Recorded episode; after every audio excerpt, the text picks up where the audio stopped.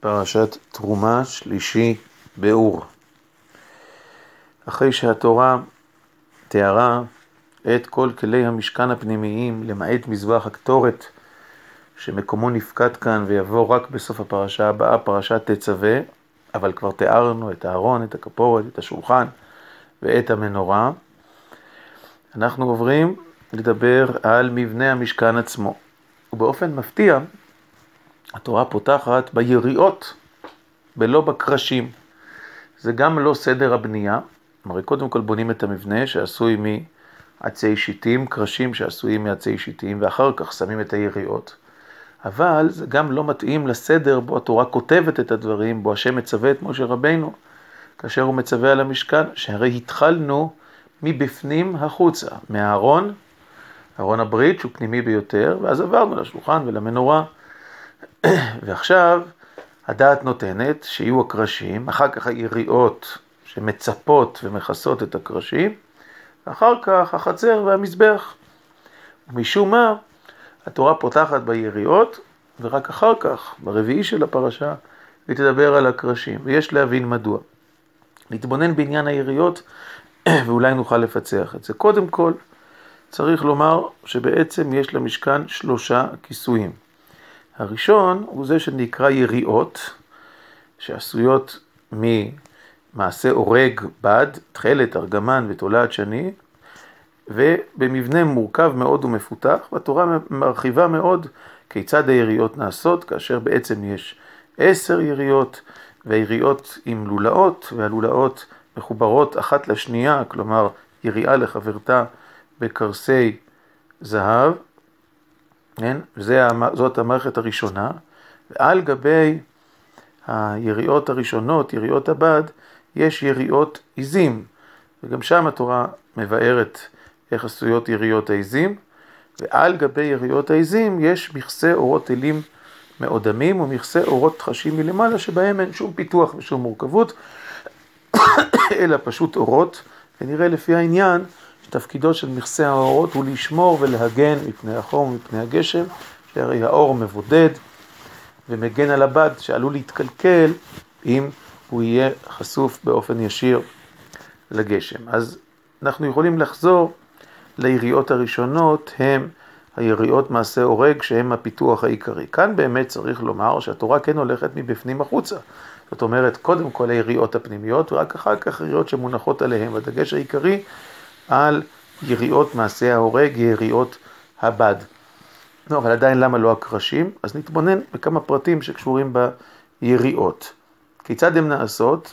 ממגוון צבעוני, שש מושזר, תכלת וארגמן ותולעת שני. אבל העיקר, התורה אומרת, קרובים מעשה חושב, תעשה אותם. זאת אומרת שצריך לרקום את היריעות בצורת קרובים. כשם שבתוך המשכן, במרכז המשכן, הכפורת, מעליה יש קרובים וביניהם מתגלה השכינה, הייצוג הזה של קרובים אה, מיוצג גם בחוץ, כך שמי שרואה את המשכן רואה קרובים. עכשיו נמשיך לקרוא כיצד נעשות היריעות. יש אורך ורוחב לפי מידות המשכן, ואז כתוב חמש היריעות תהיינה חוברות, אישה אל אחותה, וחמש יריעות חוברות, אישה אל אחותה. הביטוי הזה, אישה אל אחותה, יכול להזכיר לנו משהו. יש כוונה לקחת את הנפרדים ולחבר אותם, אישה אל אחותה. וכבר למדנו גם בעניין המנורה וגם בעניין הכפורת.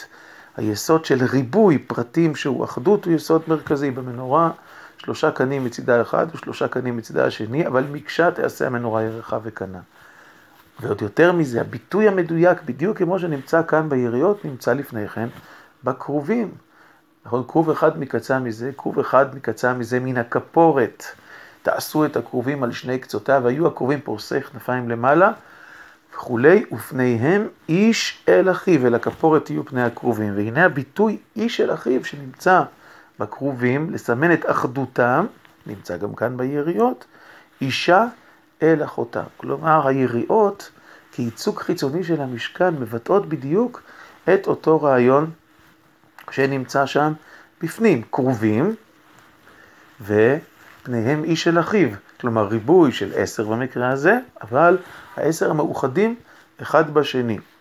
ואיך אנחנו מבטאים עוד את הייחוד, ייחוד הזה, זאת ריבוי שהוא אחדות, שהוא עיקר הגילוי של האלוקי, הרי העולם הוא ריבוי, העולם הוא ריבוי של פרטים, והאלוקי מתגלה באחדות שבתוך הריבוי, אז גם על ידי המבנה של קישור ושל הסבת הפנים אחד אל השני, אישה, אישה אל אחותה, החיבור ביניהם, וסמל החיבור הוא לולאות תכלת. לולאות תכלת הן המחברות בין הנפרדים, והתכלת, עוד לדבר על כך, הוא הגילוי של האלוקי. תכלת ניכר האלוקי, ניכר האינסופי. הארון, ארון הברית, מכוסה, כשהוא זז ממקום למקום, ממקום למקום, ביריעת תכלת. והנה לולאות התכלת מחברות את הנפרדים, את, את היריעות הנפרדות, וגורמות ליריעות הנפרדות ולקרובים שלהם להיות מאוחדות זו בזו אישה אל אחותה. האחדות מחברת את הריבוי, ושכנתי בתוכם, שכינת אלוקים בתוך מחנה ישראל, היא אחדותו.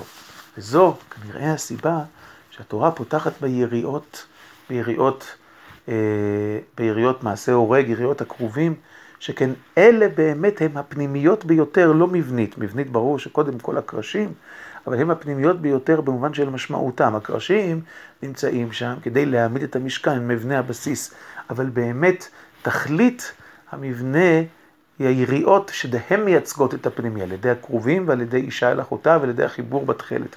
ולכן דווקא הן נזכרות ראשונות במבנה המשכן, במקביל לארון ולכפורת, שהם ראשונים בכלים הפנימיים.